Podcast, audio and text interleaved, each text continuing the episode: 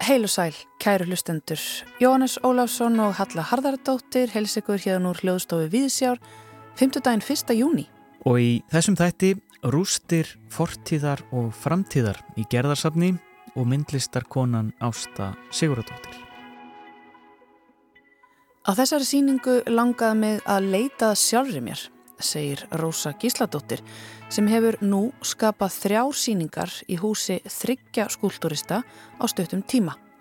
Síninguna Loftskurð í safni Ásmynda Svinssonar, síninguna Sapn í Sapni í safni Einars Jónssonar og nú síninguna Fóra í safni Gerðar Helgadóttur sem opnar næstkomandi lögadag 3. júni. Fyrir þessa síningu ákvað Rósa að leita innblástus á ný í Róm, borginni sem að heitlaðan upp úr skónum árið 1983 og þeim klassísku formum sem þar er að finna. Form sem hafa verið leiðarstef í mörgum verka hennar og sem spretta fram á torkinu sem nú rýs í gerðarsafni. Fórnar alltaf í fortíðar verður til að mynda kveikja að vangaveltum um okkar tíma og hverju við fórnum í dag til að fá það líf sem okkur þóknast og er kannski komið að okkur að fórna einhver í dag til að fá þá framtíð sem okkur þóknast. Við lítum inn í gerðarsafn í þætti dagsins og ræðum við það Rósu Gísladóttur og annan tveggja síningastjóra, Hallgerði Hallgrímsdóttur. Dúgristur Ástu Siguradóttur verða til sínis og sölu á nýri síningu sem opnar í Galeri Fold á lögadag og er gerð í samstarfi við afkomendur Ástu. Þau fengu til liðs við sig grafíklistamannin Guðmund Ármann sem þrykti 50 eintök af hverri mynd. Um listsköpun ástu hefur auðvitað mikið verið fjallað um í gegnum tíðina en minna hefur þó eftir vill farið fyrir myndlistakonunni ástu sem var afar fjölhæf listakona. Dúkristurnar byrtust fyrst í smásagnasafninu sunnudagskvöld til mánudagsmorguns. Þær eru svartar í grunninn og rýmar það oft vel við efni þeirra sagna sem þær styðja við sem gerðnar hafa tragíska og myrka undir tóna. Við heimsækjum Galleri Fold í lokþáttar og ræðum um síninguna við yðunni Vignisdóttur síningastjóra og ringjum einnig í Þóri Jökul Þorstinsson, són Ástu. Já, en við byrjum í gerðarsafni.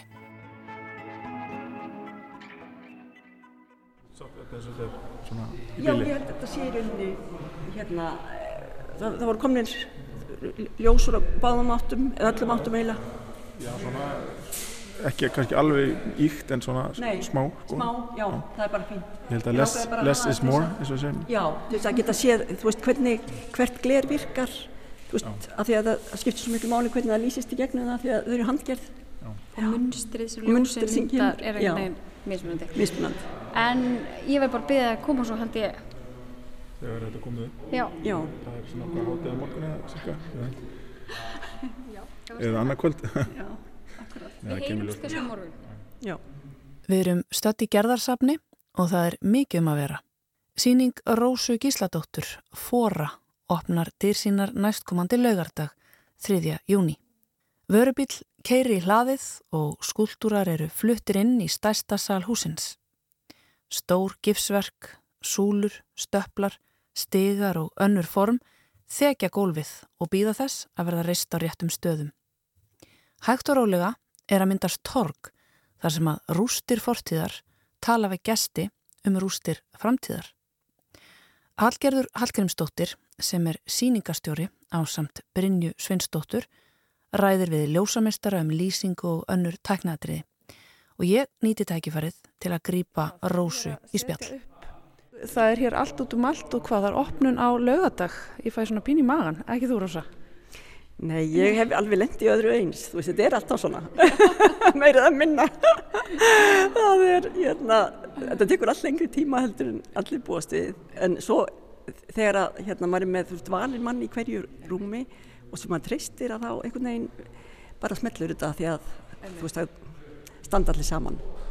Hugmyndin er líka væntalega alveg tilbúin í kollinum á okkur öllum og þá bara eftir svona set allt á sinn Já, stað. já, og býð eftir hérna einhverjum liftara til að setja þessar tröppur upp og þetta er allt líka, Ert þú með áhyggjur af lýsingu og ljósum? Nei, ég held nú ekki sko. Nei. Þetta kemur alltaf bara að smella á réttum tíma. Sko. og stundum þarf að lýsa eitthvað sérstaklega eins og þarna um, þennan hérna þetta útsýni eða þetta panorama sem að, þetta sem við sjáum hérna þetta er rauninni landslagsmynd glerinn hann, það er bara eftir að skera þau til og setja þau upp á hillu. Þú er eiginlega að koma með mér inn í þann Já, sal kannski já. og segja mér frá þessu verki. Þó það sé ekki alveg tilbúið, ef ekki gera það? Jú, gerum það, Já. endilega. Hefur sínt áður hér, þú ert auðvitað handhafi gerðarverlunana Já, nákvæmlega, þetta komið heil í kjölfarið af því, þessi síning sko. Og hérna og þessi síning og í rauninni sko mér velja bóðið að halda þessa síningu og síningun í ásmundasafni og eina síningu, það var allt einhvern veginn á svipuðum tíma. Svo hérna svo þetta, þú veist, ég er búin að hafa þetta svona í bakhöndinni í eitt og halvt ár, tvö ár, þú veist, þessa síningu þannig að, að hérna e, bara gaman að hún sé núna að verða að hérna realiserast eða segir Að hún sé- veruleika. að veruleika, já, akkurat. Ég manna mitt, við hittum síðast í ásmundasafni já, á hérna síningu sem kallaðist loftskurður.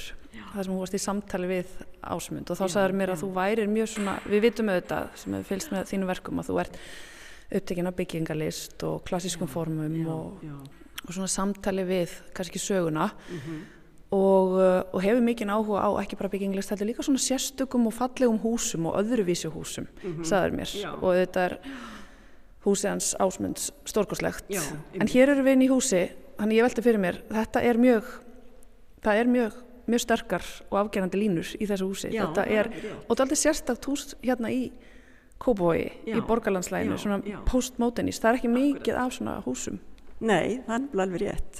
Og það, það finna er að, að það, á einhvern nátt rýmar þetta við eh, sko, verkin eins og það eru þessi bógar hérna yfir og líka frammi þú sér það, það er eitthvað svona sagt, ég veit ekki hvað svona eins og hérna spjald eða, eða marmara spjald eitthvað svona yfir eða granít yfir hurðunum svona í þrýhyrning, veist þetta er svona þetta eru díteilar sem eru hérna eh, svona áhugaverði sko og passa, passa einhvern veginn svolítið inn í þannig að ég vona í rauninni að ég þarna í stórasalunum þú veist þessari tilfinningu að maður sé komin eitthvað annað, maður sé komin kannski til Rómar, komin kannski svolítið mörg kannski hvað, tefnilega 2000 ára aftur í tíman einmitt. Fóra, þetta nafn, segir nú Já. gefur nú nokkuð skonar hugmyndum á hvaða leið þú ert. En, en eh, sko í vinslu síningarinnar uh, hafður þá húsið í huga vegna þess að þessi móteinsku formjörna sem er búið að blanda saman úr öllum áttum og steinnin og eins og þú segir sko þrýðningurinn, súlan, bógin hafður þetta í huga við vinsluna Sko ég hafði það kannski ekki beint í huga með vinsluna því að, að hérna nema bara að e, ég var náttúrulega út frá módeli þannig að, að ég vissi alveg að hverju ég gekk sko. Og, og í rauninni var ég búin að vera með ymsar aðrar hugmyndir líka áður en að þú veist, svo fór ég bara að hugsa og líka var ég að velta fyrir mér á ég að hérna fyrst, þú veist, fyrst ég er að sína með öðrum eða sína í söfnum eh, hérna högmynda listamanna og, og búin að sína hjá ein, með einari eða ég segi með einari það náttúrulega er ekki satt. Já, í hans safni og, og ásmundar að hvort að þetta ætti að vera uh, þannig síning en, en hérna en svo langaði mig kannski líka bara að leita svolítið að sjálfur mér. Og ég uh, var hérna uh, bara þegar ég kom til Rómar fyrst eitthvað 83, 1983 þá bara var ég svo rosalega hilluð það var eitthvað líka bara svona mikil fortíð og, og, og svona sterk fortíð og, og sterk form og e- eitthvað svona sem bara heilaði mig upp úr skónum. Ég hef kannski alltaf verið svolítið mikil svona fyrir form. Ég er bara einhvern veginn hef gaman að formum og sé eitthvað rýmiskreind eða ég veit það ekki. En, en hérna þannig að ég maður með síningu á kjarlastöðum held ég 84 eða eitthvað sem að þar, þar var ég músúlur og og þannig að ég var svona bara að hugsa þetta út frá þeim og svo einhvern veginn svo fór ég að skoða Róm betur og fórum Rómanum þar sem að í rauninni eru samankomnir mjög miklu dýrgripir og, og bara heilt, heilt svona hverfi eiginlega og þannig. Og, og þá fann ég svo áhugaverð sko minni þarna eða þú veist ég syns að þetta er að að skoða eitthvað svona þrjár súlu saman, svo eru líka þrjár súlu sem eru í svona hotni, svo eru aðra þrjár sem eru bara svona einar og sér, þú veist þetta eru svona bara bút og eins og þe- þetta, þessar þrjár súlu sem ég er með eru, eru partur af, af hérna fríðarhofi Vestpanígjössar, fríðarhof er er það kallað sko og hérna og það sem ég fannst svo áhugavert að svona áhugavert lámynd á ofan á súlunum sem að hefur verið svona eins og skreiti eða, eða, eða þannig sko. Svo fór ég að sko, hvað er þetta?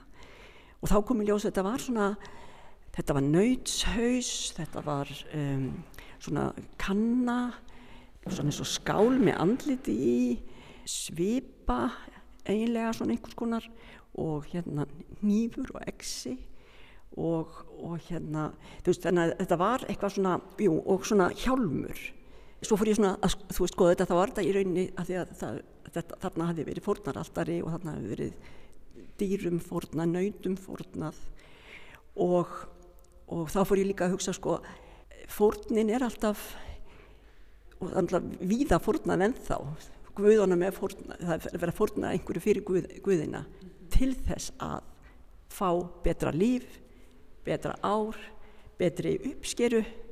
Þannig að ég var að hugsa hverju þurfum við að fórna núna? Núna er komið okkur að fórna einhverju til þess að eiga betri ár framöndan, betra líf. Um, Einmitt. Ég mynda mér að þú sést núna að hugsa um kannski mögulega ástandi sem við erum stödd í bara manneskjan í heiminum í dag hverju þurfum að fórna til að halda bara áfram hérna? Þannig er ég eiginlega að hugsa sko að, að það sé svona, það sé svolítið tímamót mm. og, og við þurfum kannski bara svona að, að hérna, þú veist, við þurfum að fara að fórna einhverju sko, einhverju af okkar svona lífsgæðum eða einhverju af okkar hvernig við höfum lifað og, og hérna ég hef alltaf, þú veist, verið með eða alveg bara, já, mörg ár verið með svona umhverfis áhuga og var með síningu í að þá var ég að gera svona fossils from the hérna, plastic age, þá var ég að búa til stengjirvinga hérna úr plast jógurtdósum og einhverju svona sem að mér fannst vera að það var svona 2004 í ásmundar sal sem var þá, þú veist, þarna já og hérna þannig og svo hefur við verið að gera flöskur sem að, þú veist, súlur úr flöskum sem voru með, hérna, lituðu lituðu hérna vatni í. Í Róm. Í Róm, nákvæmlega, þannig að súsýning í Róm var í rauninni svona bæði var ég að hugsa um formin og þau form sem hefðu tilheist byggingunni eða sem að træjanusamarkaði og kom frá þeim tíma sem að træjanusamarkaði var byggður og allt það. En, en svo, þá var ég líka að hugsa um svona gerði stóran speil uppi til að spegla róm og spegla, veist, sem að, allt sem að sér í speglinum og, og líka hugsa þá, þú veist, í framtíðar og var með súlunan líka og, og medúsu úr plastjölskum mm -hmm. og ma, hérna, maður mátti ekki kíkja, ja, þú veist, maður kann orðið að steini ef maður hérna. Sko, einmitt, þessi rómarferðarna stutt eftir nám hefur haft sko ótrúlega áhrif á þinn feril vegna þess að þessi klassísku form og, og hvernig þú horfir tilbaka til að tala við samtíman þetta er búið að vera svona tilbreyði við stef bara í gegnum allan þinn feril og ótrúlega áhrif sem þessi upplifun hefur haft greinlega. Já, ég held að mig segja það ég, hérna, það var bara eitthvað svona það er svona eins og maður verður fyrir svona einhverju rosalegum áhrif, áhrifum af einhverju sem svona verður svona stert í manni mm. að maður hérna allt þaðin í frá er breytt eiginlega mm. Það er uh, út af þessi síning kallast fóra og þú ert hérna að tala um fórum Romano Já, og þessu upplöfun. Það er með svo magna að koma þangað og sjá þar sem þú ert að lýsa uh, svona brotakendri sín á fortíðina. Þú sér þarna, eins og þetta segja, þú veist, eitt og eitt tákn úr einhverju fornaratöfn og svo fyrir að púsla saman og skilja sa samingið og sama með þetta form byggingalistarinnar, það er súlan og það er fo- já, þarna, öll þessi form sem hafa svo mikla sögu, hafa svo mikla hugmyndir að deila. Það liggir svo mikil hugmyndufræði í öllum Já, akkurat og þannig einhvern veginn kemur það saman á brotakjendan hátt og úrverður einhver ný saga. Og það er eiginlega það sem maður hugsa þegar maður kemur inn í þennan sal hérna hvernig sagan er að raðast upp á tilviljunkendan hátt. Og auðvitað er þessi form að segja einhver aðra sögu hér í þessu rými Já, akkurat tungumáli breytist. Já, nákvæmlega. Jú, það gerir það náttúrulega algjörlega og hérna uh, ég er náttúrulega líka með, sko, mér finnst í rauninni samt líka síningarnar eitthvað tengjast þarna eins og síningin hjá Einar Jónssoni, þar var ég með svona einhverja tröppur og af því að hann er með svo mikið með einhver svona tröppuform og eitthvað, þannig að eitthvað af þeim tröppum duttu inn í sem sagt mótelið af síningunni þannig að nú eru þau bara stækkuð upp þannig að, en, en það skemmtilega er sko, eða mér finnst svo áhugavert að að, hérna, að tröppur er náttúrulega eitt af því sem að er elst, örgulega elsta hérna, verkfræði undur heimsins. tröppur sko eru Já. svo fornar að það er, það halva væri nóg sko, þannig að, að hérna, Einmitt eitthvað sem lítur svo ofbóðslega hverstaslega út í dag og Já. tökum sér sjálfsögum hlut. já, akkurat, Einmitt. Og þú blandar þeim sagt inn í þessi fornu form hérna. já, akkurat. Já.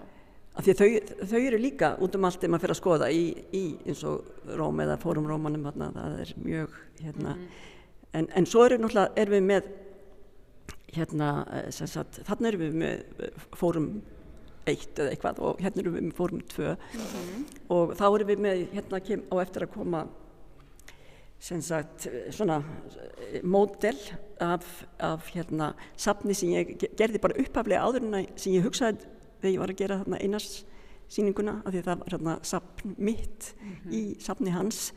Og en svo fór ég aðeins bara út, út í annað í hugmyndafræðinni í sambandi við þá sýningu og hérna, en mótilið átti ég þannig að ég er að stækka það upp. Þannig að það var svona safn mitt í safni hans eða þú veist safn sem að ég sem sagt hva- hvar það ætti að vera en, en hérna þannig að hér verður þá þetta hús, þetta safn sem að hérna ég, ég bjóð til uh, áður en að ég sem, sem hugmyndað að sýningunni hans í hans samni og svo verður svona skúlturgarður hér. Þannig að ég verð líka með skúlturgarð eins og hann. En, en, hérna, en þetta er allt bara svona uh, eitthvað, ég veit ekki. En það er líka kannski tengingin ef við horfum hérna á þetta verður sem að verður hérna svona panorama eiginlega svona bara, eða landslagsmynd eiginlega. Og, og hérna og þá, þá er þetta landslægið í rauninni hérna þetta er eiginlega Reykjanesi sem við sjáum hérna út um gluggan og ég hef alveg verið heilluð af, af hérna af landslæginu svona í kringum Reykjavík. Mér er alltaf fundist að vera mjög heillandi. Það er sérstaklega þegar maður er í útlöndum einhvern tímann þá fer maður að hugsa alltaf um Fjallalínuna. fjallalínuna þannig að, að hérna og fannst svona keilir þú veist, hann er svo, hann er svo mikil þrýrningur svo mikil svona sterkur. Og, og síðan er fjallarhingurinn mjög svona, hann er, hann er mildur og, og hann á vísu í dag er ekki gott að sjá hann nákvæmlega en hann er samt mjög fallegur. Fjallarhingurinn sem hún sér hérna sem sagt, þau horfir í suður sko. Og, og hérna þannig að og ég er í raunin að nota uppáhaldsform mín hérna, sem eru hérna gluggarnir í hérna í Melnikov húsinu í, sem ég notaði líka í, í Berg þá var ég með, nema þá gerði ég þá alveg svona raun- raunverulega eiginlega sko en ég nota bara formin af þeim og að því að þau eru, þau eru svo mikið landslag, þau eru svo mikið svona fjöll og hérna og svo er ég að nota litaða glerið til þess að hérna til þess að fá svona líf og setja, bara setja, búa til svona eins og landslagsmynd með glerinu og litunum. E, hérna, og, og þá er ég líka svolítið að tengjast gerði af því að hún notaði svo mikið gler og vann svo mikið með fyrir kirkjurnar og, og hérna stendaglerið og mósækið og þetta. Þannig að mér stífna aðeins að kallast á við hana. Aðeins og byggingarlistina aftur. Þú hérna, já, skilur ekki við hana. Nei, Þú sagðir einmitt í náðan að að núna ætlaður að fara að tala við sjálfan þig af því að þú hefði talað við Einar og Ásmund og í staðist tala við Gerði ætlaður aðeins að leita inn á við en, en þú kemst ekki hjá því að tala aðeins við Gerði. já ég, hún var svo frábær högmyndari milstamæður og bara æðisleg. Og líka mjög falleg síning sem enn í búið að setja upp inn í kjallaranum eða ég neðra henni æðisleg, þannig að það er gaman að vera með henni á sama tíma Þetta er einmitt eitthvað sem þú gerði líka í hérna, ásmundarsafni að láta okkur kíkja í gegnum gat og sjá eitthvað og fá hughrif. Já, akkurat. Já, það satt, ég, ég hafði hugsað út í það. Þú ert svona aðeins að- leika líka að því hvernig við förum um rýmið og, og svona láta okkur sjá eitthvað nýtt. Já, nákvæmlega. Eins og ég segi, þessi hérna þetta er búið að heilla mig lengi, þessi, þessi hérna, þetta útsýni sem maður hefur líka hérna frá kirkjunni að sjá í fjallarhingin sko og fjallarhingun í kringur Reykjavík er stórkostlegur, ekki bara Esjan Hérna, þú ert hér að leikaði með glerið svona örstutt að lókum áðurinni leifið er að halda Já. áfram, það er mikið að gera hérna. Uh, ef við förum aðeins aftur inn í hinsalinn Já, bara til að finna þessi hughrif hérna sem við vorum að ræða um, um hérna torkið í Róm. sko efnið sem þú ert að nota einna. Já. Þetta er eitthvað sem þú leikið með áður. Sko ég, eh, þegar ég var í námi í, í hérna munnkjörn á sínum tíma, þá bara einhvern veginn fjall ég fyrir gifsi sem efni. Mér varst einhvern veginn sko, auðvitað var alltaf auðvelt fyrir mig að gera, veist, auðvelt og ódýrt og, og þú veist, ég hafði alveg, sem sagt, fór í, læriði á það og einhvern veginn. En, en svo finnst mér það sko, það sem það hefur fram yfir kannski mörgurnur efni er að það koma svo skemmtilegi skuggar, það hefur svo fallegt svona, svona einhvern þægilegan presens. Og, og hérna þegar hérna gifsir orðið alveg þurft og sem að er kannski ekki alveg orðið núna eh, er ekkert fallegra. Eða þú veist það er eitthvað svona mjög heillandi við það.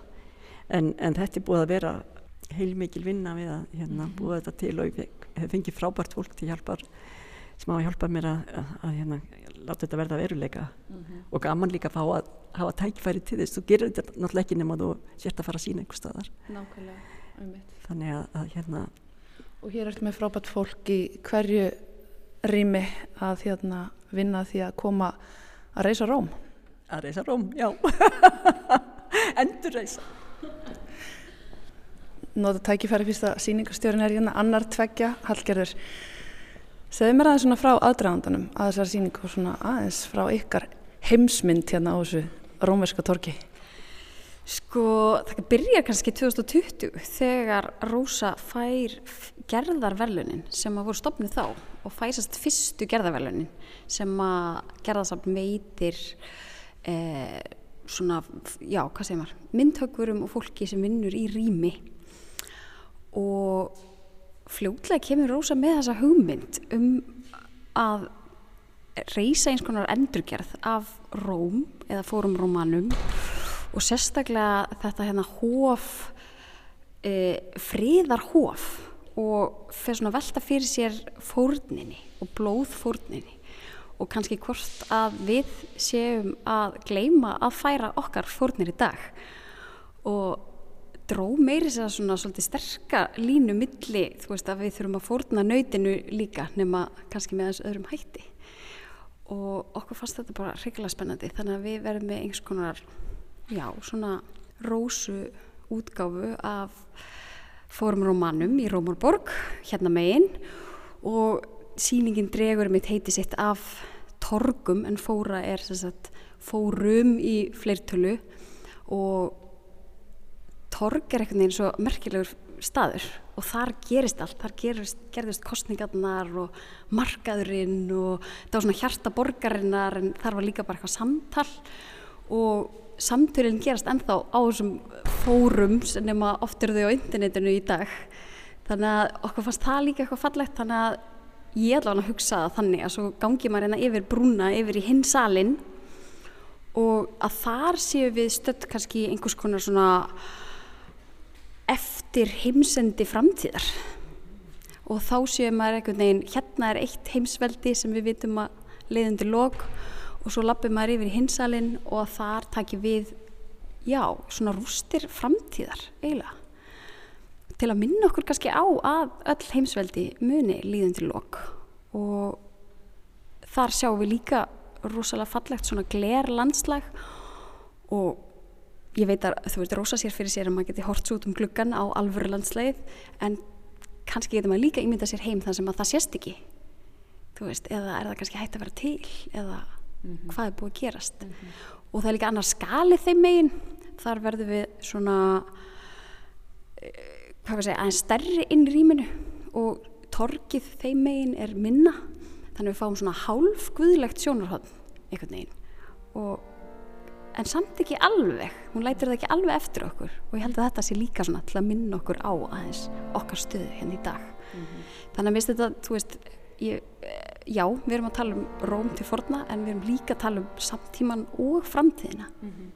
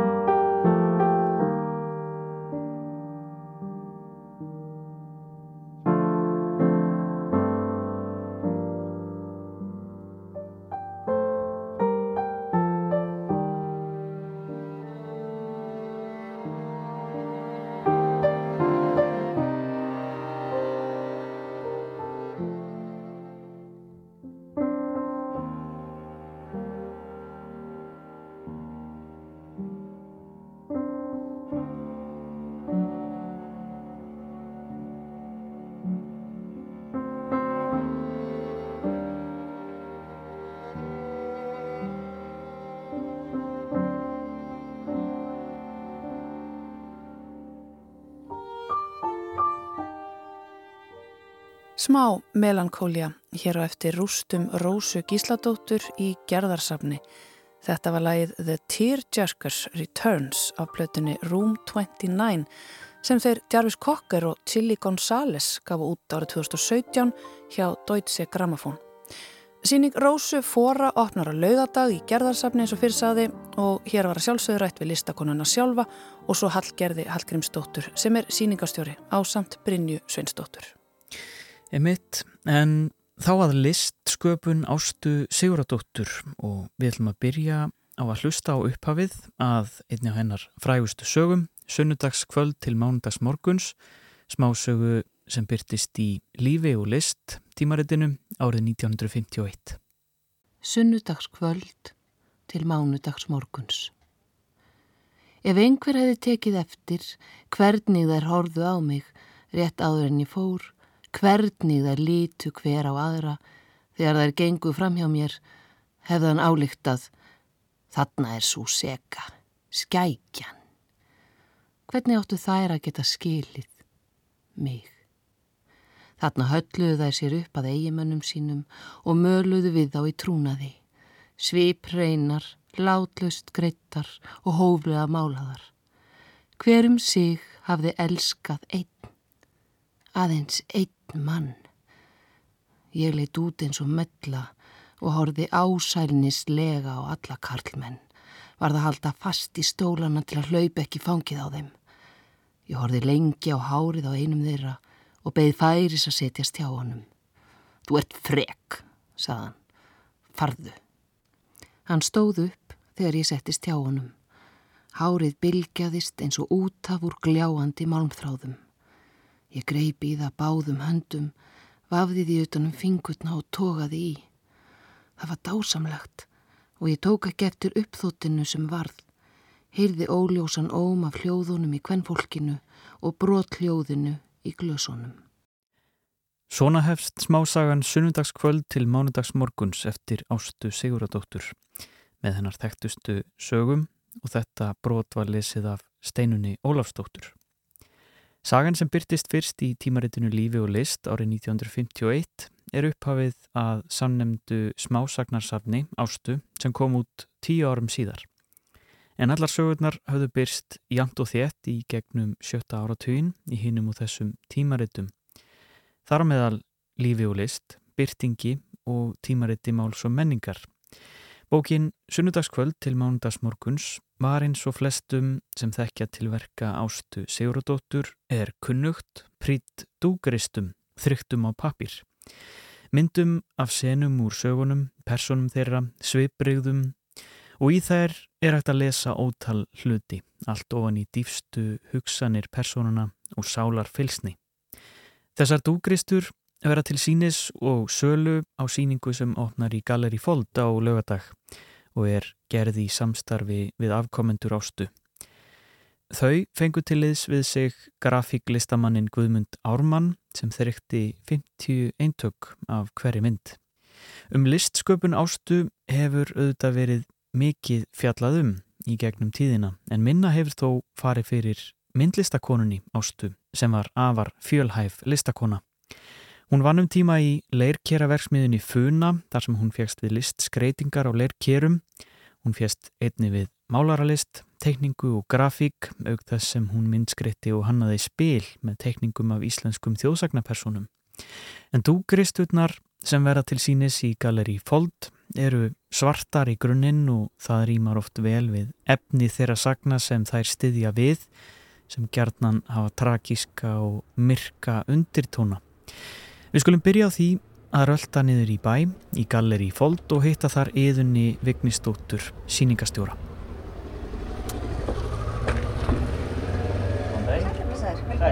Takk fyrir. Iðun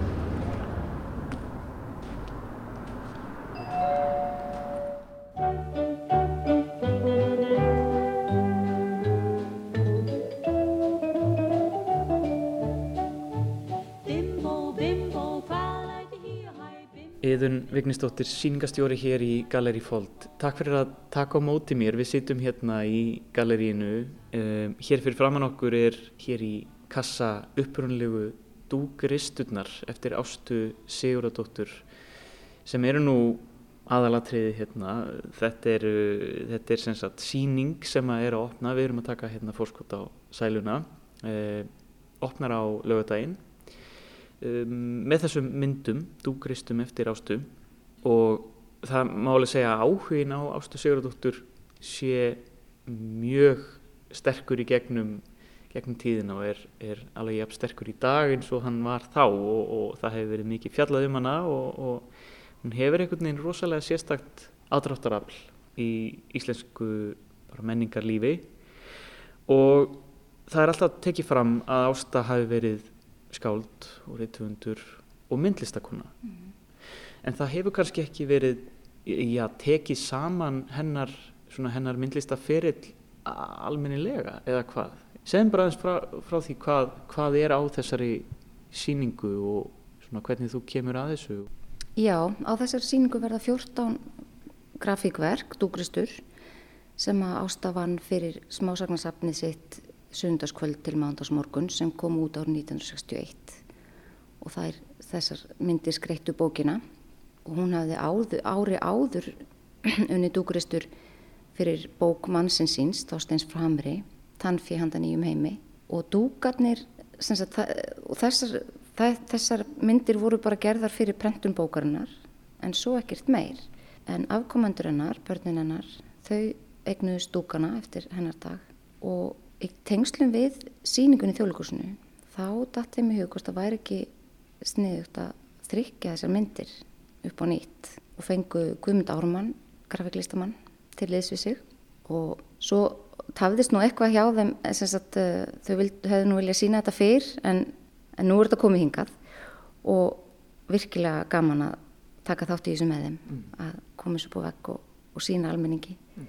því mér veist kannski eins og þetta hafi aðeins glemst þegar það talaði um ástu þessi myndlistaferillannar en hún er alveg jafnvík á báða bóa sko, alveg stórkuslegar dúgristur og sko dúgristur þetta er náttúrulega eins og nafni keftir kynna það er, það er mynd sem er rist í, í dúk og, og svo er myndin þrygt á, á pappir um, en þetta er þetta er svolítið kunst þetta er, þú þarfst að sjá fyrir þér sko myndina í speilmynd þú, þú, hérna, þú ristir hann ekki eins og hún á að vera heldur ristur í speklunum Akkurat, maður veldi fyrir sig svona þegar maður skoðar dúkana hvort að hún sé að hugsa um að bara tekna fallega hildarmynd eða hvort hún sé alltaf að hugsa um speglununa, hvernig hún kom út á prenti.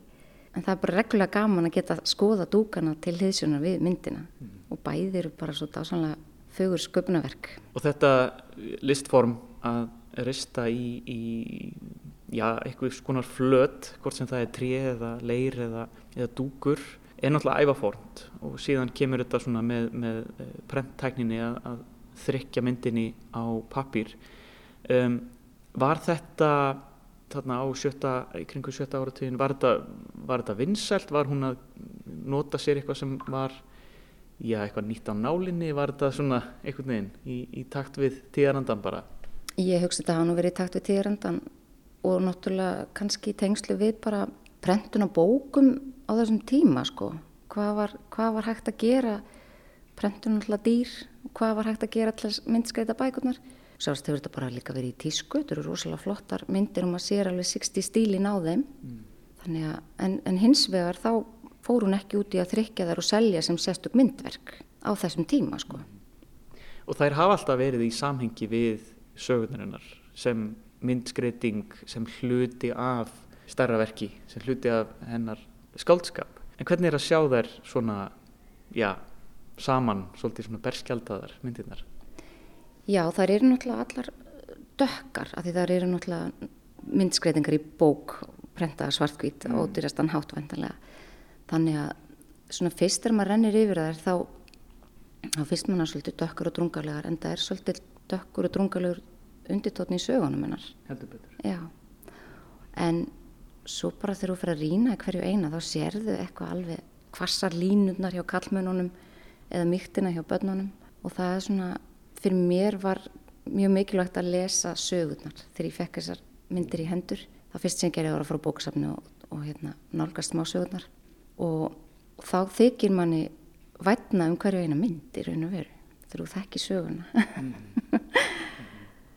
Og það er svona líka sko, mér fannst svona þegar ég las sögurnar að það er, það kemur svona einstak væntum þykja á samhengið þegar hún er að skrifa um börn og myndinar af börnunum eru mjög mjúkar og fallegar og af ungu konunum en það eru svolítið kvassar þegar hún er að gera karla eða, eða konur sem er að dæmana eða ömmur eða svo leiðist þá eru þau svolítið svona aðeins þingri en einstaklega mjúkar og fallegar þessar myndir af börnunum. Það er hægt að lesa heilmart í þessi andlit. Þetta er, þetta er allt eh, myndir af fólki. Jú, það er ein mynd af hönd sem heldur á fuggli. Jú, það er hægt að lesa og maður sér alveg sko, maður sér bara, maður sér óta, maður sér grimd, maður sér dómhörku og svona vósbúð, eh, já, og hérna, maður sér hverjir eru undirmálsmenn og hverjir eru það ekki. Þannig að það bara næri einhvern veginn alveg að ná svipriðum fólks og ég mitt sko talar um að þessu dökkar, þetta er náttúrulega eh, hérna svona kannski í svona hálf svona ekspressionískum stíl, það er þarna þú hefur náttúrulega bara þessa eiginlega tvo liti, það er annarkvort að skera eða skera ekki okay. Og þá færðu ljós og þú fær skugga og þá færðu þessi rosalega sterku e, sveibriði í andlitin og, og já, ef þú ætlar að gera eitthvað hérna reyðan, þá verður hann einhvern veginn svona, svona sérstaklega reyður einhvern veginn í, í öllu þessum svona skugga sem verður til með þessum svarta lit. Maður sér sko á þessum tíma voru líka abstrakt listamennir vinsælir mm. og voru komið upp og, og þetta er svona þessi kvössu kassala form líka. En samt svona einfaldar línur sem hún samt næra draga svo margt fram með. Mm. það er alveg magnað sko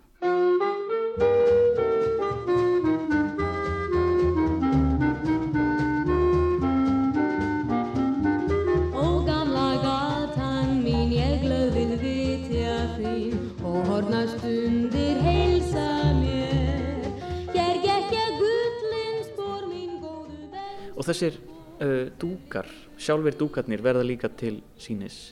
Í hvað ástandi eru þeir? Þetta er náttúrulega línulegum dúkur, þetta, er, þetta á að endast, þannig að þeir eru ventilega bara nokkur neginn sama ástandi og þeir voru, eða ekki? Jú, þeir voru, að mér skilst bara gemdri í kassa mm. og hérna, þeir allavega þóldu það að vera þryktir, að vera þrykt á það upp og nýtt og, og þeir eru bara einstaklega fallið listaverk líka. Hefur skoðað á hans? Já, þau letu útbúið þarna stempil með undirritununa ástu þannig að þau gætu mert myndirnar. Hérna er úr kongaliljum, stúlkan með blómin í hárinu, mm. unga stúlkan. Og svo er hérna amman í skerplu, hún er svolítið skarpari svona. Já, svolítið rítjulegt hárið svona.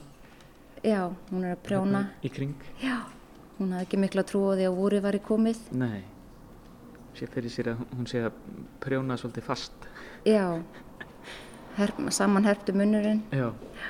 Sér hérna fléttan sko skorin út þannig að hún komi kvít hérna á myndinni sko. Já.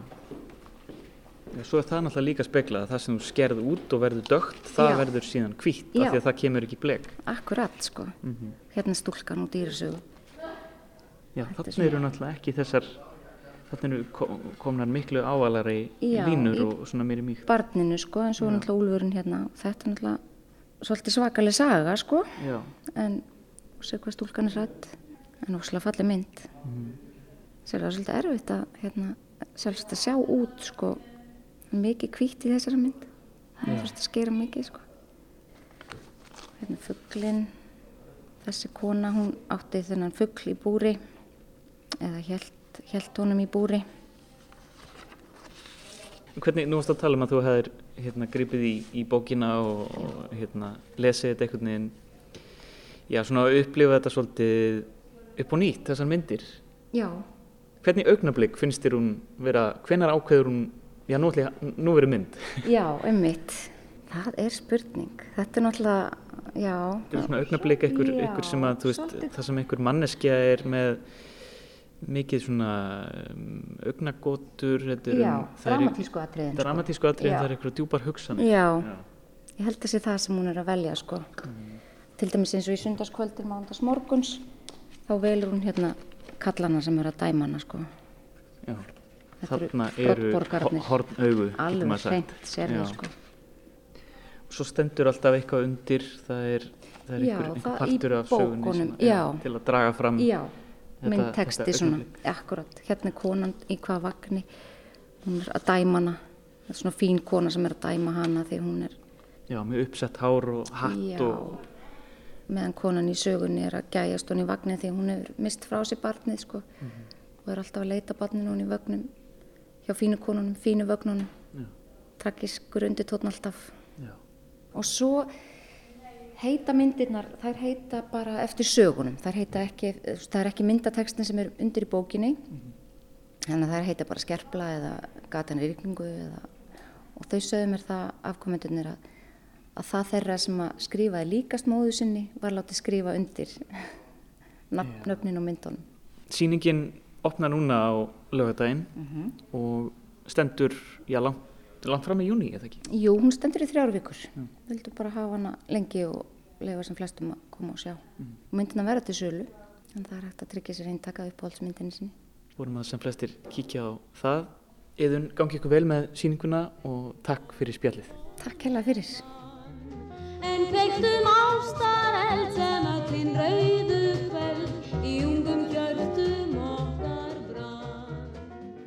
Eins og fyrr segir eru það afkomendur Ástu Siguradóttur sem eiga frumkvæðið að því að setja upp síningu með dúgaristónum úr sunnudagskvöldi til mánudags morguns og ég ákvað að ringja í són Ástu, Þóri Jökul Þorsteinsson og spurja hann nánar út í myndlistakonuna Ástu og dúgaristu síninguna.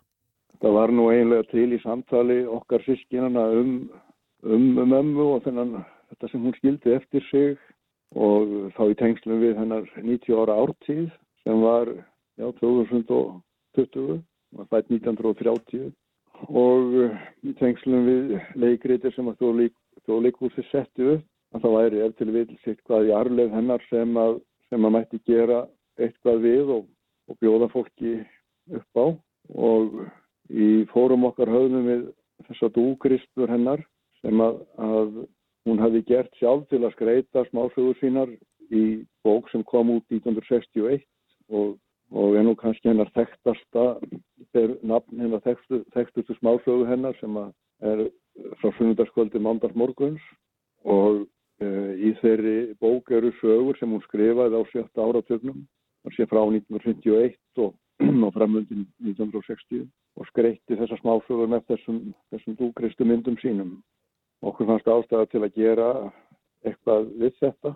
Og fengum svo til þessu okkur frábæran listamann, Guðmund Ármann sem að þrykti þetta fyrir okkur og, við ákváðum að gera 50 myndir af, hverri dúgristu og tölusetja þær og setja síðan nafn hennar undir með, með stimpli hennar eigin, hennar eigin handar áritun sem varðist hefur og láta síðan fylgja með úr hvaða sögu, eða við hvaða sögu þessi mynd hefði, hefði byrst. Þetta eru 14 myndir og við sískininn, Björn Ástu, erum auðvitað afskaplega spennt fyrir því að sjá hvað viðtökur þetta fær en það blasir við að þetta verður aldrei gert aftur. Þannig að þau sem að eignast myndir af þessari síningu sem er nú sölu síning hjá Galeri Fold að kaupendur geta verið vissir um það að, að þetta er í fyrsta og síðasta sinn sem þetta verður gert. Uh, Manst þú eftir því að, að hún hafi verið að fást við dúgristur eða var, var þetta allt fyrir þína tíð? Ég man eftir þessum dúgristum að, að það er að vera uppi við en, en það eru gerðar fyrir mína tíð. Þa, það sem ég man eftir eru spilin. Þegar um, við byggum á Nesegum og ég var orðin stoppaður frá okkur, mamma var þar einn með mig og tvö yngri sískinni mín og þá, þá man ég eftir hún var að vinna í spilunum á, á borði þar í stofunni og um, þau komu út í fyrra eins og, eins og margir vita heima á Íslandi og forlægið annaðist að miklu myndarskap þá útgáfu og mér skilst að spilin séu alveg uppseld núna og um, þá vona að þau komi þá fljótlega á markaðin aftur. En hvað dúgristurna snertir þá er það þá er því miður þannig að, að það er ekki, við eigum ekki allar dúgristurnar sem að fylgdu smásökunum hennar. Það hafa hafa glatast hverja þeirra en það sem við áttum til það, það nótum við þessu sinni. Hvernig, já, hvernig myndlistamæður var hún í þínum huga? Eh, sko, hún alltaf fegst við margskonar list, það verða þarna vasslítamyndir líka til sínis og hún sko var í, í hérna, funa, í leir, leirlist eða skreita hérna, leirmunni. Hvað finnst þér svona engkenna þetta? Ég menna nú eru þið svolítið að líta yfir þessar dúgristur sem held og þá er svona freistand að spyrja hvort maður svona, já sjáu svona eitthvað sem maður hefur ekki séð áður? Þegar ég lít á verkennar og það sem ég séð að þeim við eigum líka sískinin málverk sem hún gerði málverk sem hún málaði á sjötta áratögnum snemma mm. og það er svona verið svona kúbíska myndir og uh, svona sé að byrta einhverja stemningar um, svona uh, kýralífsmyndir mm. um, það sem ég man eftir og sem barn það, það var þegar við vorum að lita sama hún náttúrulega let mig hafa litabækur og, og, og, og satt stundu með mér og litaði með mér. Ég man hvað ég hefst af litanótkun hennar, hvernig hún lefði sér að hafa heiminin, hann var ekki alltaf blár, það voru alls konar, alls konar litir sem hún hafiði á heimninum og, og, og hún hefði svolítið að reyna að segja mér til að, að ég gæti líka fyrst skinnjunminni í sambandi við nótkun lita. Það er Það hefur ekki mikið verið fjallað um hana sem innlistakonu en hún var auðvitað mjög fjölhæf, bæði sem teiknari og málari. En hennar frjóasta tímabil í þessu samhengi er auðvitað á árónum millir 50 og 60. Eftir það þá svona uh, var minna úr nema, nema það að hún vann við spilin mm. og þessa dúgristur eru auðvitað allar frá sjötta áratögnum. Einmitt og um, hún setur þær í, í já, þessa bók þegar hún tekur saman smásögurnar um, sko þegar hún lítur á, á sögurnar sem slíkar, ég minna hvað, hvaða augnablík uh, finnst þér hún vera að velja til þessa minnskreita því að þetta er náttúrulega gert eftir eftir uh, að sögurnar eru skrifaðar og svo, og svo kem, koma þessa myndir. Hvaða, hvaða augnablík í sögunum finnst þér hún vera að velja. Þetta er náttúrulega allt andlit, langt mest eru andlit af, af personum í, í sögunum og með mjög svona sterk sveibriði og, og segja eitthvað um það sem er að gerast. Já, ég hef, hef, hef yfirleitt litið svo á að þessar myndir eigi að, eigi að byrta uh, personuleika, uh, jafnvel viðhorf, fólks draga fram, skerpa það sem fram kemur í tekstanum maður sér jafnan ámyndinni við hvern er átt eða við hverja er átt. Og þessa myndir draga þá eiginlega fram eh, það fas sem, sem við erum hverju sinni. Og þess vegna fylgja þær, fylgja þær svona sem ítarefni tekstanum og, og, og, og ég held að hún hafi verið að reyna einmitt að draga fram personuleika við, við form einstaklingseinkenni hverju sinni og sínist það að tekist mæta vel. Það er auðvitað mikill vandi þegar maður er að skera út í dúk þá, þá verður maður að, að muna hvað kemur á, á pappirinn og hvað ekki og, og svo er þetta auðvitað speiklum líka. Ég minnist þess að einu sinni þá fórum með mig að speikli Eh, sem var náðið niður undir golf og sagði við mig sjáðu Þóri finnst þetta ekki skrítið allt sem er hægra megin hérna megin er vistra megin í speklingum Nú geimi ég þeirra ljós og lit sem lifandi helgi dóm. Þá vera stómarinn ég opna glukkan minn og um í leik Hvað vonist þið að, að hérna, til að, að komi úr þessu annað en, jú, þetta fólk mæti og, og verði þetta fyrir sér en, en svona í samhengi við, já, hennar list og hennar arflið? Já, það er náttúrulega von okkar að, að um, þetta framtak okkar fái góðar vitsökur og að, um, að fólk síni þessu áhuga og tala nú ekki um ef, ef það myndir nú hafa hugað í eignast þessar myndir þá þá er þetta ekki ófyrir sinja stað farið með þetta og um, ég hef vorið varfið talsvert uh, mikið áhuga á þessu og það er auðvitað ánægjefni fyrir okkur sískinin að, að sjá hversu, hversu mikið hún hefur skilið eftir svo nóður okkar hvað varðar einmitt það að fólk man hana og hefur áhuga á henni, áhuga á því sem hún skrifaði. Og bara í gær þá átti ég samtal við góðan kunningja sem að sagði við mig að hún hefði verið á svo margan hátt á undan sinni samtíð og greinlegt að henni verið óskaplega mikið gefið og ég hugsað það sé þetta sem skilar sér allt til þessa dags og skilar sér í áhuga fólks á henni og því sem hún létt eftir sig. Kæra þakkir fyrir spjallið Þórir og bestu hverjur til Noregs. Takk sem við leiðir.